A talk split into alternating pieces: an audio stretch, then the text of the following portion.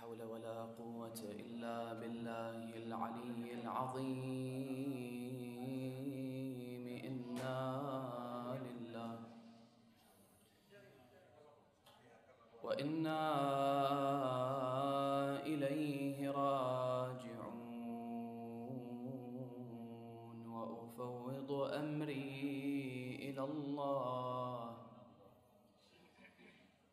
إن الله بصير بالعباد. صلى الله عليك يا سيدي ومولاي يا رسول الله. وعلى أهل بيتك المظلومين.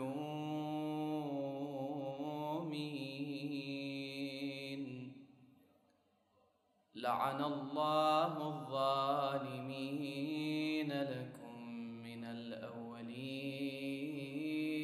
والآخرين.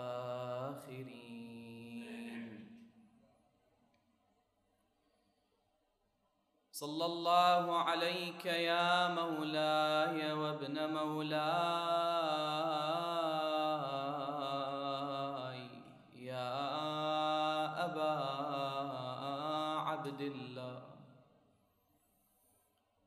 يا رحمة الله الواسعة. ويا باب نجاة الأمة غريب يا مظلوم كربلاء. السلام على الحسين. وعلى علي بن الحسين وعلى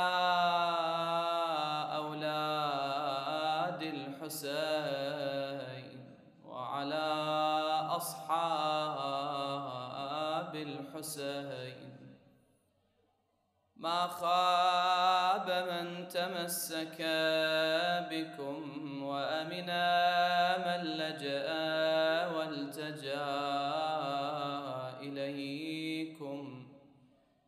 يا ليتنا كنا معكم سادتي. فنفوز فوزا عظيما.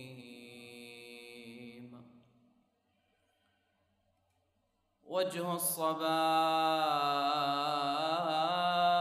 علي ليل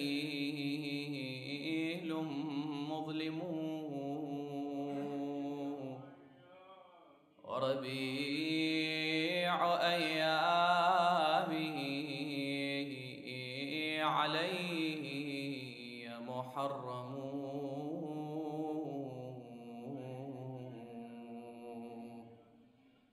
والليل يشهد لي بأني ساهر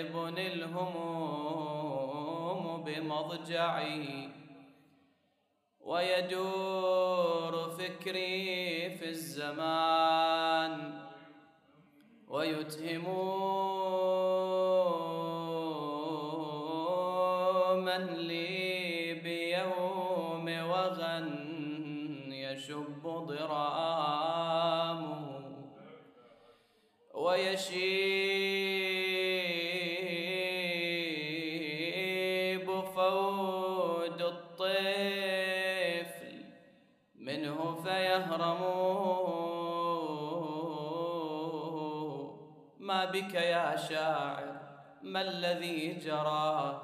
قال ما خلت أن الدهر من عاداته تروى الكلاب. به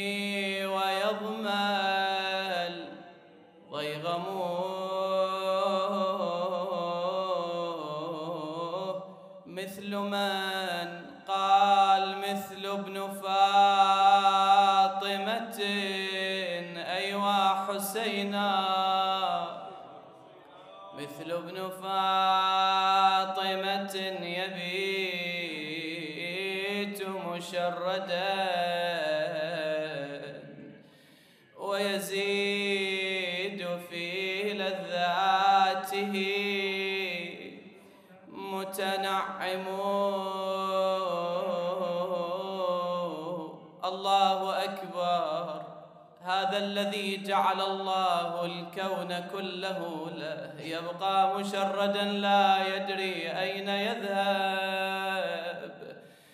خرج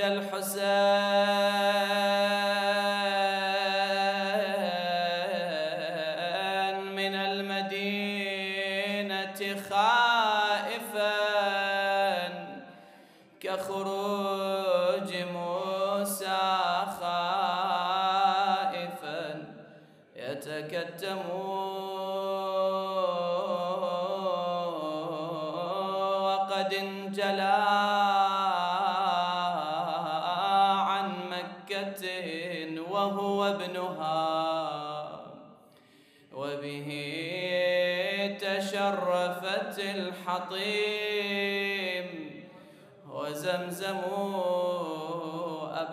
عبد الله في أمان الله في دعة الله. يقول له محمد بن الحنفي إلى أين أنت ماض سيدي؟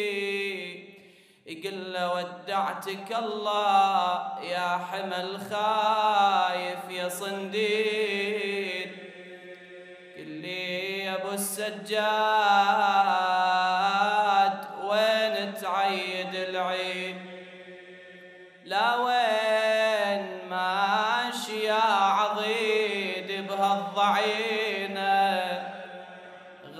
غصبا علي ارجع بلياك المدينة وانظر بيوتك خالية وبنتك حزينة. سكون المدينة من بعدكم صاير مشيد. قال له أنا أدري قلبك من الوجد مجروح. لكن بعد حجك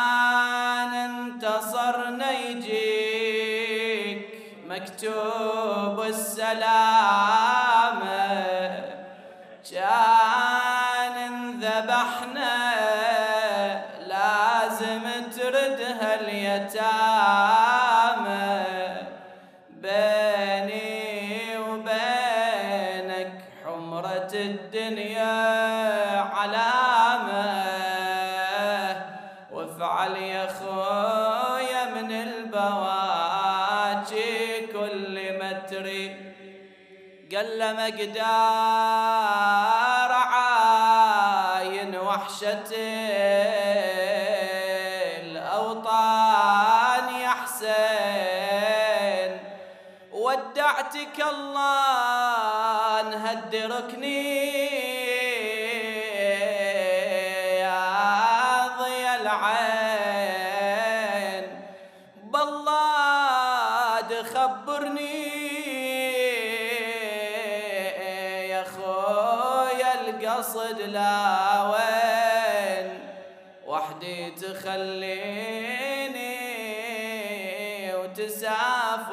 بالصناديق ولكن الأمر لله.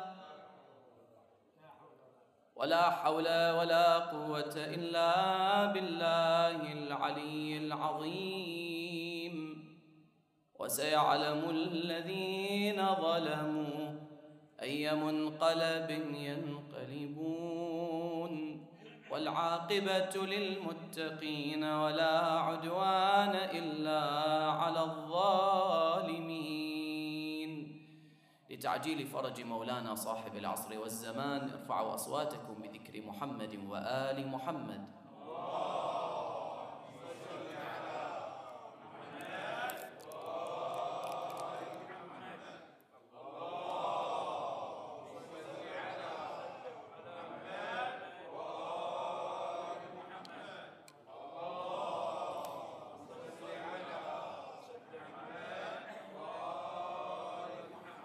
وارحمنا بمحمد وآل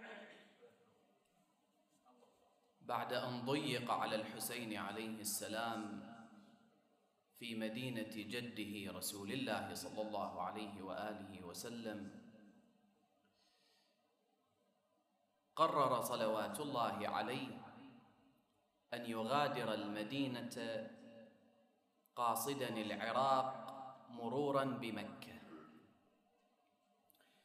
فوصل عليه السلام إلى مكة كما تذكر الروايات التاريخية في الثالث من شهر شعبان.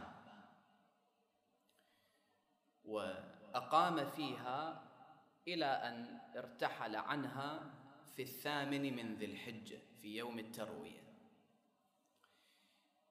يعني تقريبا مجموع ما قضاه الإمام سلام الله عليه في مكة من الأيام ما يقارب أربعة أشهر وخمسة أيام يعني تقريبا 125 يوما.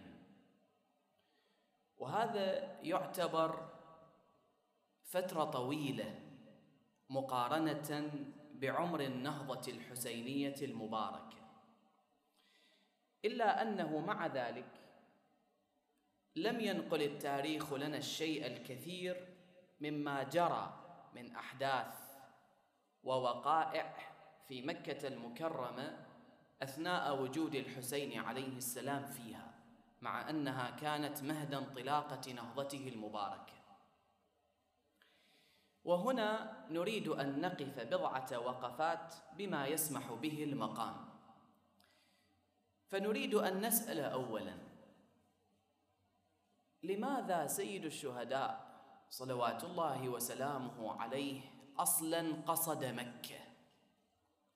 لماذا لم يقصد مكانا آخر؟ يعني ليش نسأل هذا السؤال؟ مو إحنا نعرف وأنتم تعلمون أن أهل مكة وأهل المدينة ليسوا على وفاق مع أهل البيت عليهم السلام. هذا زين العابدين صلوات الله وسلامه عليه. يقول ما بمكة والمدينة عشرون رجلا يحبنا. ماكو أولياء لهم فضلا عن وجود الشيعة حتى محبين ما أكو لأهل البيت عليهم السلام في مكة والمدينة. فلماذا قصدها سيد الشهداء صلوات الله عليه؟ وهو العالم وهو الخبير. الجواب أنه إذا نظرنا إلى سيرة أهل البيت صلوات الله وسلامه عليهم وجدنا أنهم كانوا يعيرون اهتماما كبيرا بالمدينة ومكة. لماذا؟ إذا تلاحظون الزهراء صلوات الله عليها بعد شهادة رسول الله صلى الله عليه وآله وسلم قضت ليلها نهارها باكية على رسول الله. تقول الروايات حتى تأذى القوم من بكاء الزهراء. فكانت تخرج فتبكي تحت شجرة الاراكه وما لها شغل ويا أحد هناك؟ فجاء القوم فقطعوا الشجرة التي كانت تستظل بظلها وتبكي تحتها. شنو السبب؟ يعني هل صوت الزهراء عليها السلام صوت بكائها إلى هذا إلى هذه الدرجة مرتفع ومزعج؟ حاشاها سلام الله عليها بحيث القوم يتأذون من هذا الصوت المادي الذي يخرج من بكاء الزهراء أم أن هناك أمرا آخر؟ لا هناك أمر آخر. سبب أذيتهم مو لأنها تبكي لمجرد البكاء لكن المدينة المنورة بطبيعتها مهدا للإسلام كانت مجمعا ومقصدا للمسلمين من كل مكان. كلهم يقصدون المدينة المنورة يقصدون رسول الله صلى الله عليه وآله وسلم وكذلك مكة يقصدونها حجا لبيت الله الحرام. فلما يجي هذاك البعيد اللي ما يدري إيش صار آخر عهده مع رسول الله صلى الله عليه وآله وسلم يوم الغدير. قال من كنت مولاه فهذا علي مولاه. إيش صار بعد ذلك؟ هو إيش مدري؟ عايش في مكان آخر غير عن المدينة. طيب يجي للمدينة المرتسم في ذهنه أن الولي بعد رسول الله علي بن أبي طالب. يجي يشوف الوضع مختلف. يرى بنت رسول الله صلى الله عليه وآله باكية ليلها نهارها لا تفتر عن البكاء. يشوف أن هناك أحد غير علي بن أبي طالب عليه السلام هو الممسك بزمام الأمور. فحينئذ يخلي علامة استفهام. يقول الزهراء عليها السلام ليش متأذية؟ مو هذه بضعة النبي صلى الله عليه وآله. إحنا كلنا سمعنا هكذا يعني يعلمون. كلنا سمعنا أن رسول الله صلى الله عليه وآله وسلم قال فاطمة يرضى الله لرضاها يغضب لغضبها. فاطمة بضعة مني من آذاها؟ فقد آذاني فاطمة روح التي بين جنبي بعد دأب رسول الله صلى الله عليه وآله على بيان فضل الزهراء ومكانتها. فحينما يرون أن الزهراء باكية يعلمون أن هناك سببا وراء بكائها. فحينئذ تتوضح لهم الأمور. لماذا بكت الزهراء عليها السلام؟ ما الذي جرى؟ ماذا حصل؟ ماذا صنع بوصية رسول الله صلى الله عليه وآله وسلم؟ ولهذا لم يكونوا يطيقون بكاء فاطمة. طبيعي ما يتحملون بكاءها لأنها لا تبقي عليهم باقية. وإذا تلاحظون كذلك زينب صلوات الله عليها زينب لما رجعت إلى المدينة بعد رحلة شاقة مسيرة السبي المؤلم في الكوفة في الشام مرورا بالبلدان. تجي للمدينة ما تمضي أيام أو أشهر حتى يكتب والي يزيد على المدينة يكتب كتابا إلى يزيد. يقول له إن كان لك في المدينة حاجة فأخرج منها زينب. شو مسويت لك زينب؟ لأنه هذا اللي حاولوا أن ينشروه أنه سبايا من الترك والديلم يجون إلى المدينة اللي هي مقصد الناس يرون زينب تعقد المجالس على مصاب الحسين. تبكي على مصاب الحسين تبين حقيقة ما جرى في كربلاء. بعد منو اللي يصدق أنهم سبايا من الترك والديلم؟ لا يبقى للإعلام الأموي باقية. هذه زينب تتحدث إنما تفرغ عن لسان أبيها كما قال لها عبيد الله بن زياد.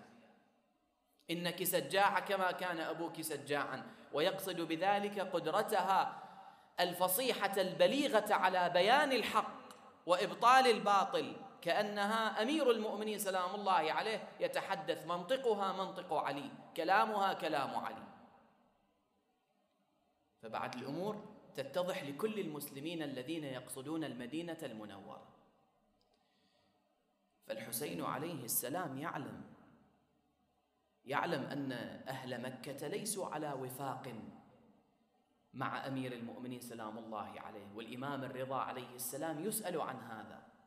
في رواية أنقلها نصا سئل عليه السلام قالوا له كيف مال الناس عن أمير المؤمنين إلى غيره وقد عرفوا فضله؟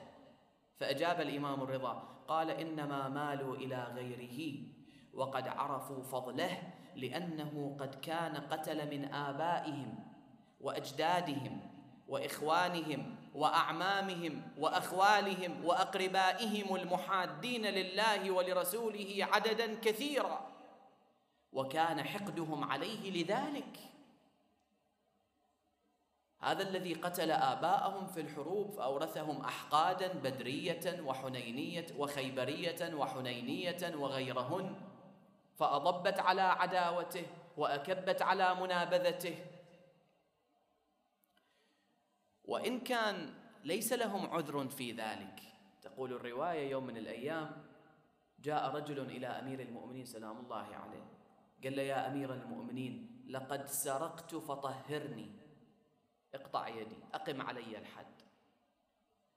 وأمير المؤمنين سلام الله عليه ومتشرع صاحب الشريعة قطع اليد له شروط فظل يسأله يكثر الأسئلة حتى يستوفي كل شروط, شروط إقامة الحد عند السرقة. إلى أن سأله أكثر من ثلاث مرات فأقر على نفسه فأقام عليه علي الحد وقطع يده من حيث المكان الذي أمر الله أن تقطع. طلع من عند أمير المؤمنين فقابله ابن الكواء من الذي قطع يدك؟ قال أمير المؤمنين وسيد الموحدين. أسد الله الغالب. علي بن أبي طالب وظل يعدد من فضائل أمير المؤمنين سلام الله عليه. قال له مو هذا لتوه قطع يدك؟ قال له إيه نعم قطع يدي لكنه أقام شرع الله وما ازددت فيه إلا حبا. فكون أنه قتل آباءهم وأسلافهم هذا مو عذر أنهم يبغضون عليا. شنو قتلهم؟ لمصلحة شخصية؟ ماخذين من عنده فد شيء مادي وإنما قتلهم لله وفي سبيل الله عز وجل. ولو لم يقتلهم لقتلوا المسلمين. الحاصل أنهم لم يكونوا على وفاق مع أهل البيت. لهذا فإن سيد الشهداء صلوات الله عليه حينما قصد مكة لم يكن قاصدا أهلها بالضرورة وبالدرجة الأولى. وإنما يعلم أنه في هذه الفترة سيتوافد الناس من كل مكان إلى حج بيت الله الحرام حينئذ يتسنى له أن يوصل رسالته أن يبين مبادئ نهضته. فمن أحب أن يلتحق بالحسين يلتحق فيقيم على الجميع الحجة ولهذا كل الأشياء التي قام بها الحسين أقصد إرسال إرسال الكتب إلى الكوفة وإلى البصرة ومن ثم وصول الكتب إلى الحسين من الكوفة أن أقدم إلينا ثم إرسالهم إرساله مسلم بن عقيل مع كتابه إليهم هذا كله جرى وهو في مكة. وقد أثمر ذلك عندنا بعض الأنصار بعض الأصحاب الذين قتلوا مع الحسين عليه السلام يوم العاشر التحقوا به وهو في مكة المكرمة. التحقوا به ومضوا معه إلى أن وصل إلى كربلاء وقتلوا معه يوم العاشر. فإذا لماذا قصد الحسين مكة مع علمه؟ لأنه قصد مكانا فيه مجمع الناس من كل مكان. طيب. بقي الحسين عليه السلام في مكة. ومضى فيها من الأيام كما قلنا أربعة أشهر وخمسة أيام. طيب أبا عبد الله أنت قاعد في مكة أكثر من أربعة أشهر.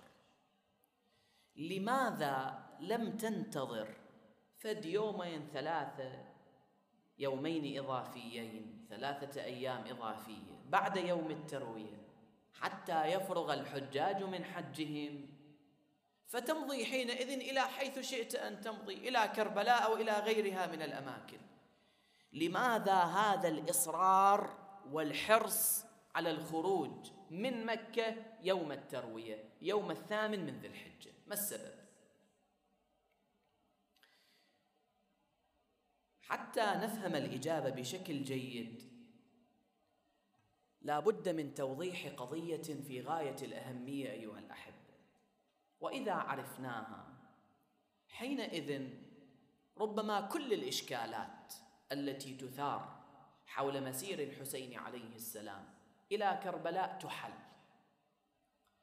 هذا الأمر يبينه العلامة التستري عليه الرحمة. يقول سيد الشهداء صلوات الله وسلامه عليه كان مأمورا بتكليفين اثنين لا تكليفا واحدا. شنو هذه التكاليف؟ قال التكليف الأول هو التكليف الواقعي. شنو التكليف الواقعي؟ يعني سيد الشهداء صلوات الله عليه بما رسمه الله له وبما أطلعه الله عليه من أمور من علم الغيب وبإخبار جده رسول الله كان يعلم أنه لا بد أن يسفك دمه الطاهر في أرض كربلاء. وكان ساعيا إلى بذل دمه في أرض كربلاء في يوم العاشر لا يوم قبل ولا يوم بعد ولا في أي منطقة أخرى محيطة بكربلاء. لا بد أن يقتل في كربلاء. وفي هذا الموضع ويدفن في هذا المكان الذي فيه قبره الآن صلوات الله عليه. الله يرزقنا وإياكم الزيارة. يعلم. فتكليفه الواقعي في حقيقة الأمر أن يصل إلى هناك حتى يقتل. ليش لازم يقتل؟ لأنه بالظرف الذي عاشه يقام الدين. ولو لم يقتل الحسين عليه السلام لما بقي من مبادئ الحس من مبادئ شريعة رسول الله ومن مبادئ دين الله باقية. هذا التكليف الواقعي في علم الله عز وجل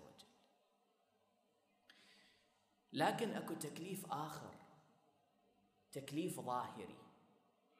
وهذا التكليف الظاهري هو الذي كان يقوم أهل البيت جميعا بالتصرف طبقه.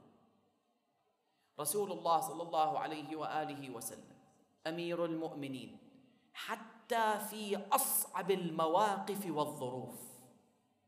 في أصعب المواقف. كانوا أهل البيت سلام الله عليهم يتصرفون وفق الظروف الطبيعية لا على سبيل الإعجاز. لذلك أمير المؤمنين سلام الله عليه كان قاب قوسين أو أدنى من خيمة معاوية. مالك الأشتر. رفعوا المصاحف وإذا بأمير المؤمنين سلام الله عليه يا مالك ارجع. وين أرجع؟ ما هي إلا لحظات ما باقي شيء. ارجع يا مالك. طيب يا أمير المؤمنين انهي القضية؟ وتخلص من طرفك المقابل ثم بعد ذلك عالج الأمور بطريقتك الخاصة. قال لا. لا. التكليف الظاهري لا بد أن تسير الأمور بطريقة يكون الأمر طبيعي ما في مخالفة لمبدأ من المبادئ. ما في مخالفة لأمر من الأمور التي يمقتها عامة الناس مثلا. لا بد أن يكون فعله مقبولا مفسرا واضحا ظاهريا. ولهذا كل أهل البيت عليهم السلام ما تصرفوا بأي تصرف يجعل لأحد أن يعترض عليهم أي اعتراض. سيد الشهداء سلام الله عليه لما كاد أن يقتل في المدينة طلع من المدينة. ولو قتل في المدينة كان قالوا الناس ليش ما طلع من المدينة؟ طيب التصرف الأمثل سيد الشهداء طلع من المدينة وين يروح؟ يروح إلى أأمن بقعة على وجه الأرض وهي بيت الله الحرام. هذا التصرف المقبول الطبيعي. وهو مجمع الناس بحيث من يريد إن قيل له اذهب إلى اليمن فإنهم شيعتك راح يجون الناس كلهم يتوافدون لحج بيت الله الحرام في مكة. فقصد مكة. بيت الله الآمن. من دخله كان آمنا. وفي قصده ثمرة عظيمة بينت لاحقا أن هؤلاء لا ذمة عندهم. أن هؤلاء لا يعيرون حرمة لأحد. حتى ولو كان الحسين متعلقا بأستار الكعبة يقتل. ما يهمهم؟ حرمة الكعبة غير مهمة بالنسبة لهم. الغاية الغاية عندهم تبرر الوسيلة. فمشى سلام الله عليه وفق الظروف الطبيعية. استقر في مكة. كتب الكتب إلى مختلف المناطق يدعوهم لنصرته. ثم جاءت رسائل القبول منهم. ومضى الحسين عليه السلام تنفيذا لما طلب منه من الناس إلى الكوفة. ولهذا ترى سيد الشهداء سلام الله عليه كان حريصا لئلا يبقي لأحد حجة عليه. حتى لما خرج من مكة حتى لما وصل إليه خبر مقتل مسلم بن عقيل في الكوفة ونكثهم للبيعة أصر على أن يقصد الكوفة. عرضوا عليه الطرماح قال مولاي تعال إلى قبيلة طي عندنا جبل اسمه جبل أجأ. احتمينا به من ملوك غسان وحمير ومن الأسود والأحمر. على حد تعبيره ما حد قدر علينا. رفض الحسين عليه السلام. الدعوة وصلتني من هذه المنطقة لئلا يقال أن الحسين عليه السلام هو تراجع. لئلا يقال أن الحسين هو جبن فرجع. حاشاه سلام الله عليه. وكذلك لم يقصد اليمن لنفس الغرض. حتى لما منعه الحر عن الوصول إلى الكوفة اتخذ مكانا وسطا بحيث كل من تمكن أو كل من أراد أن يلحق به مع المكنة تمكن أن يصل إليه إن لم يمنع. كربلاء منطقه اللي يريد يلتحق به من الكوفة يقدر هناك متسع من الوقت. لهذا عندنا بعض الأنصار وصلوا إلى كربلاء لما علموا بوجود الحسين فيها. وصلهم الخبر شدوا رحالهم وصلوا في يوم العاشر قبيل مقتل الحسين قاتلوا بين يديه فقتلوا. فلا يبقى لأحد بعد ذلك حجة على الحسين عليه السلام. فكانت الأمور تسير بشكل بحيث يتفق تكليفه الواقعي مع تكليفه الظاهري وهذا شغل الله سبحانه أنه تسير المقادير بشكل بحيث يحقق هدفه الواقعي دون إخلال بأمر يقره العقلاء. أما لماذا خرج الحسين عليه السلام من مكة يوم الثامن؟ حينئذ بعد يتضح. شبه إجماع تاريخي عندنا أن الأمر وصل إلى عمرو بن سعيد بن العاص والي يزيد على مكة أن يقتل الحسين أينما كان كيفما كان. وفي بعض الروايات أن يقتل الحسين ولو كان متعلقا بأستار الكعبة. وما معنى أن يقتل الحسين في مكة؟ أليس عليه أن يجيب التكليف الظاهري؟ أليس عليه أن يستجيب لمن أرسل إليه طلبا للنصره واذعانا بالتسليم لموقف سيد الشهداء سلام الله عليه؟ فلهذا خرج من مكة قاصدا الكوفة في هذا اليوم لئلا يقتل وقصد العراق. الحسين خو مو جبنا منه خرج من مكة. لكن موافقة صار بين التكليف الظاهري والتكليف الواقعي. فمضى سيد الشهداء صلوات الله عليه. لذلك تذكر الروايات من شدة حرصهم على بقاء الحسين في الكوفة. أو عفوا في مكة. وعدم الخروج منها أنه لما أراد الحسين أن يخرج عمرو بن سعيد بن العاص تعرض له في جملة من جلاوزته ولكنهم كانوا قلة. لم يتمكنوا من منع الحسين فتضاربوا بالسياط ومضى الحسين عليه السلام في طريقه خارج مكة. ما تمكنوا أن يقتلوه وهو في مكة. وإذا بمحمد بن الحنفية أبا عبد الله. إيش عندك طالع من مكة. فقال رأيت رسول الله صلى الله عليه وآله وسلم يقول شاء الله أن يراك قتيلا. يسأله ابن عباس أو محمد بن الحنفية يسأله وما حملك النسوة معك؟ قال شاء الله أن يراهن سبايا. حتى هذا أيضا فيه تكليف ظاهري. ابن عباس يسأله ما الذي حملك على أخذ النسوة معك؟ قال إن تركتهن لن يأمن على أنفسهن. هو بنو أمية يجون يعتقلوا صفوة بنات رسول الله صلى الله عليه وآله وسلم. يؤخذن يعتقلن يعذبن يجري عليهن ما يجري. سيد الشهداء سلام الله عليه. قال ما حد يقدر يتعرض إلى زينب وأخوات زينب ما دام لي قلب ينبض. وما دمت على قيد الحياة. أما إن قتلت فالأمر إلى الله عز وجل. فأخذ معه النسوة. شوف الموافقة بين الحكم الواقعي والظاهري يجيب ابن الحنفية يقول له شاء الله أن يراهن سبايا يجيب ابن عباس بالجواب المنطقي العقلاني يقول له لأنه لا يمكن أن يتركن لوحدهن لا بد أن آخذهن معي. وإذا بسيد الشهداء صلوات الله عليه يطوف ببيت الله الحرام والهاتف يدعوه أبا عبد الله إن الله يأمرك أن تخرج من مكة فإن يزيد قد أوعز إلى ثلاثين شيطان من شياطينه أن يقتل الحسين غيلة ولو كان متعلقا بأستار الكعبة. وتدري لو قتل الحسين متعلقا بأستار الكعبة أي حرمة كانت ستنتهك وأي مصيبة تقع بعد ما يبقى لأحد حرمه بعد سيد الشهداء سلام الله عليه.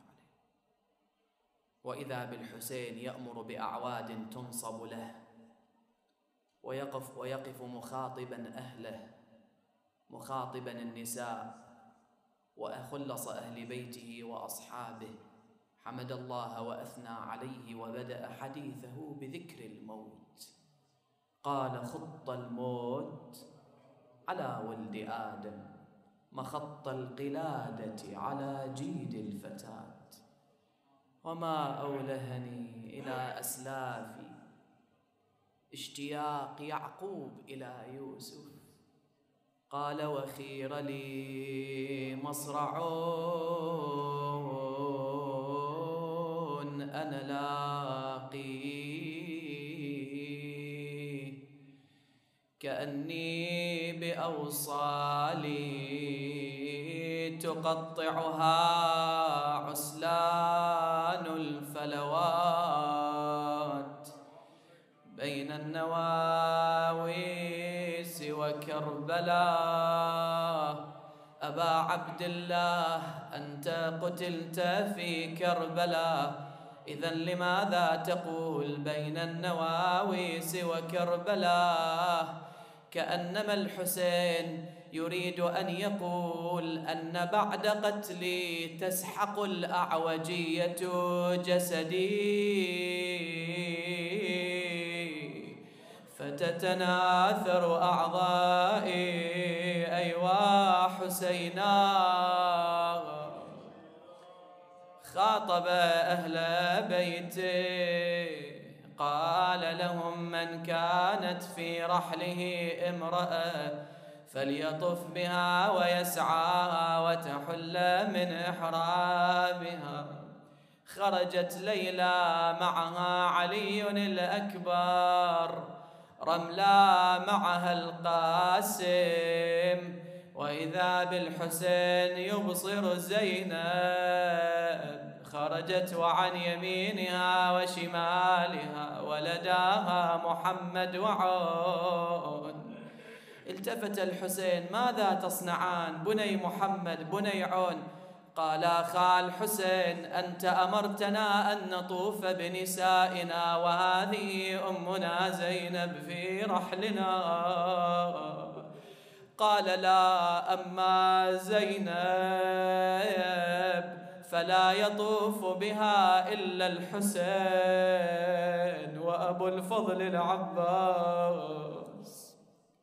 وإذا بزينب بكل مهابة بكل معزة بكل جلاله الحسين عن يمينها والعباس عن شمالها طافا بها وسعيا وحلت من إحرامها.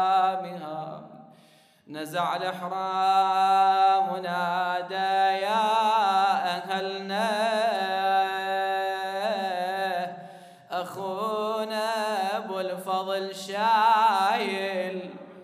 علمنا طلع زينب وطلع حرمنا. نروح الكربلاء ونحج كلنا وفيها من كتب ينسفك دمنا. شلون حجك أبا عبد الله؟ قال حجي هالسنة يظهر العالم صدري الكعبة ودمي عن زمزم. واما التلبيه راسي تكلم على راس الرمح مصبوغ بالدم. أيوا حسينا أيوا إماما. وإذا بزينب طلعت للحسين أبا عبد الله تنعى إلينا نفسك. أراك نزعت إحرامك وين رايح أبو علي؟ تقول لنا أنزع إحرامك والخلق كلهم محرمين. والبيت بك متشرف ومسرور يا حسن قالها نزعت حرام حجي دون الإسلام. حجي ما هو بهالأرض يا بنت الأكرام. وين أبا عبد الله؟ حجي بوادي كربلاء مذخور جدام. وأما الضحايا هالشبول الهاشميين. ونزعي إلى الإحرام بنزع سهم مسموم. من وسط قلبي وتمتلي تشفي بالدموم. شلون تطلع حسين؟ بطلعه من قفاي وقلبي بنار. مغروم ودم الجروح يسيل من جسمي الصول صح ونادي وحسينا. زينب بعد أفصل لك أكثر قالت إيه يا أبا عبد الله؟ قطعت نياط قلبي. قالها وتحليق راسي دون هالعالم يا حراه شمر الخنب سيفه يحز نحري ويهبره ويتربع على صدري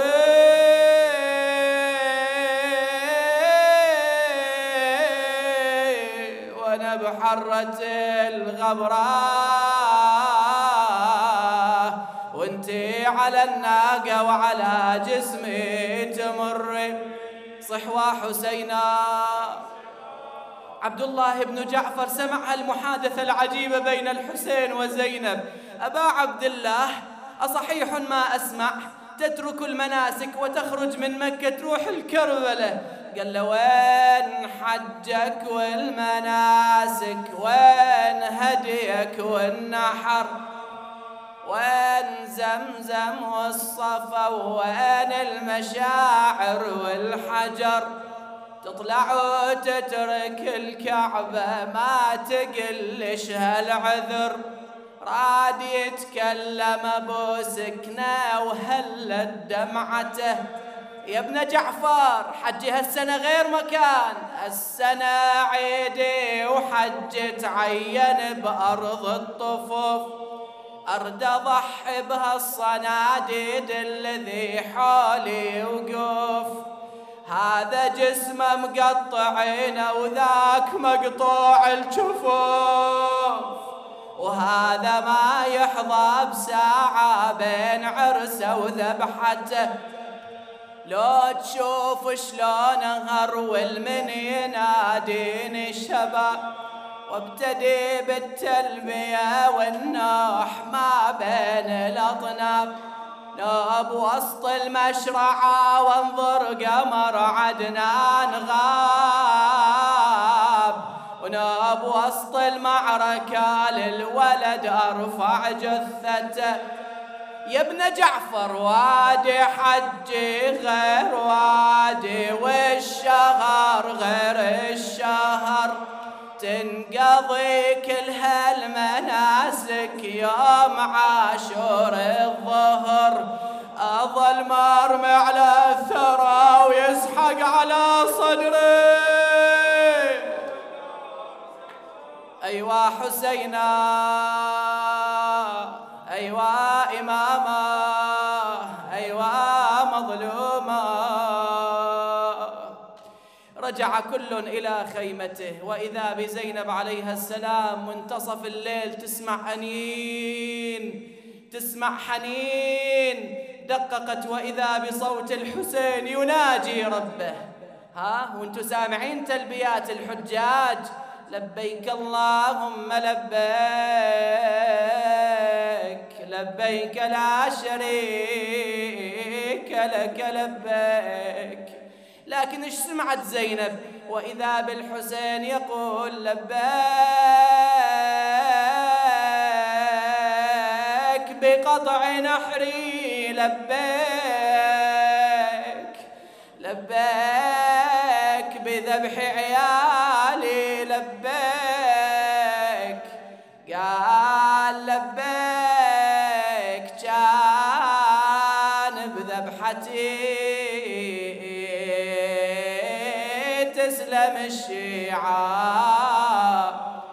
خلهم يذبحوني ويسلبون الوديعة. وإن كان ترضى بذبحتي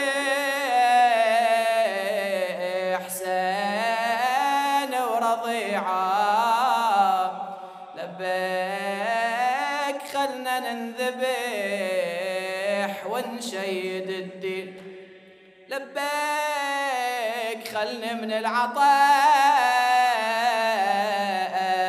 تخلص انفاسي لبيك خل يرتفع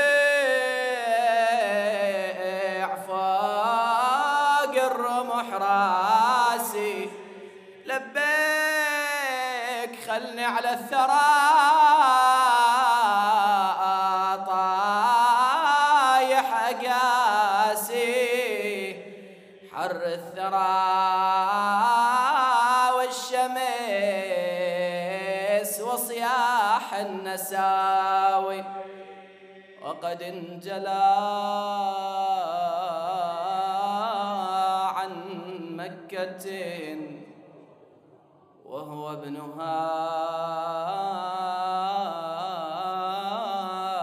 وبه تشرفت الحطيم.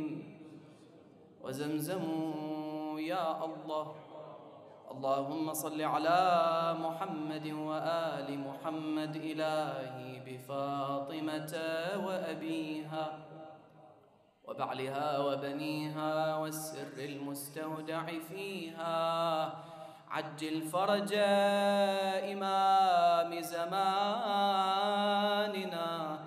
اجعلنا من أنصاره وأشياعه واللائذين تحت لوائه والمستشهدين بين يديه. إلهي اشف مرضانا لا سيما المرضى المنظورين. يا الله أقض اللهم حاجة كل محتاج فرج عن كل أسير. سد فقرنا بغناك يا الله. جماعتي الحاضرين والمستمعين اللهم احفظهم فردا فردا. في أنفسهم ومالهم ومن يلوذ بهم وإلى أرواح المؤمنين والمؤمنات سيما من مضى من أهل هذا الجمع. نهدي إليهم ثواب هذا المجلس مع قراءة سورة الفاتحة تسبقها صلوات.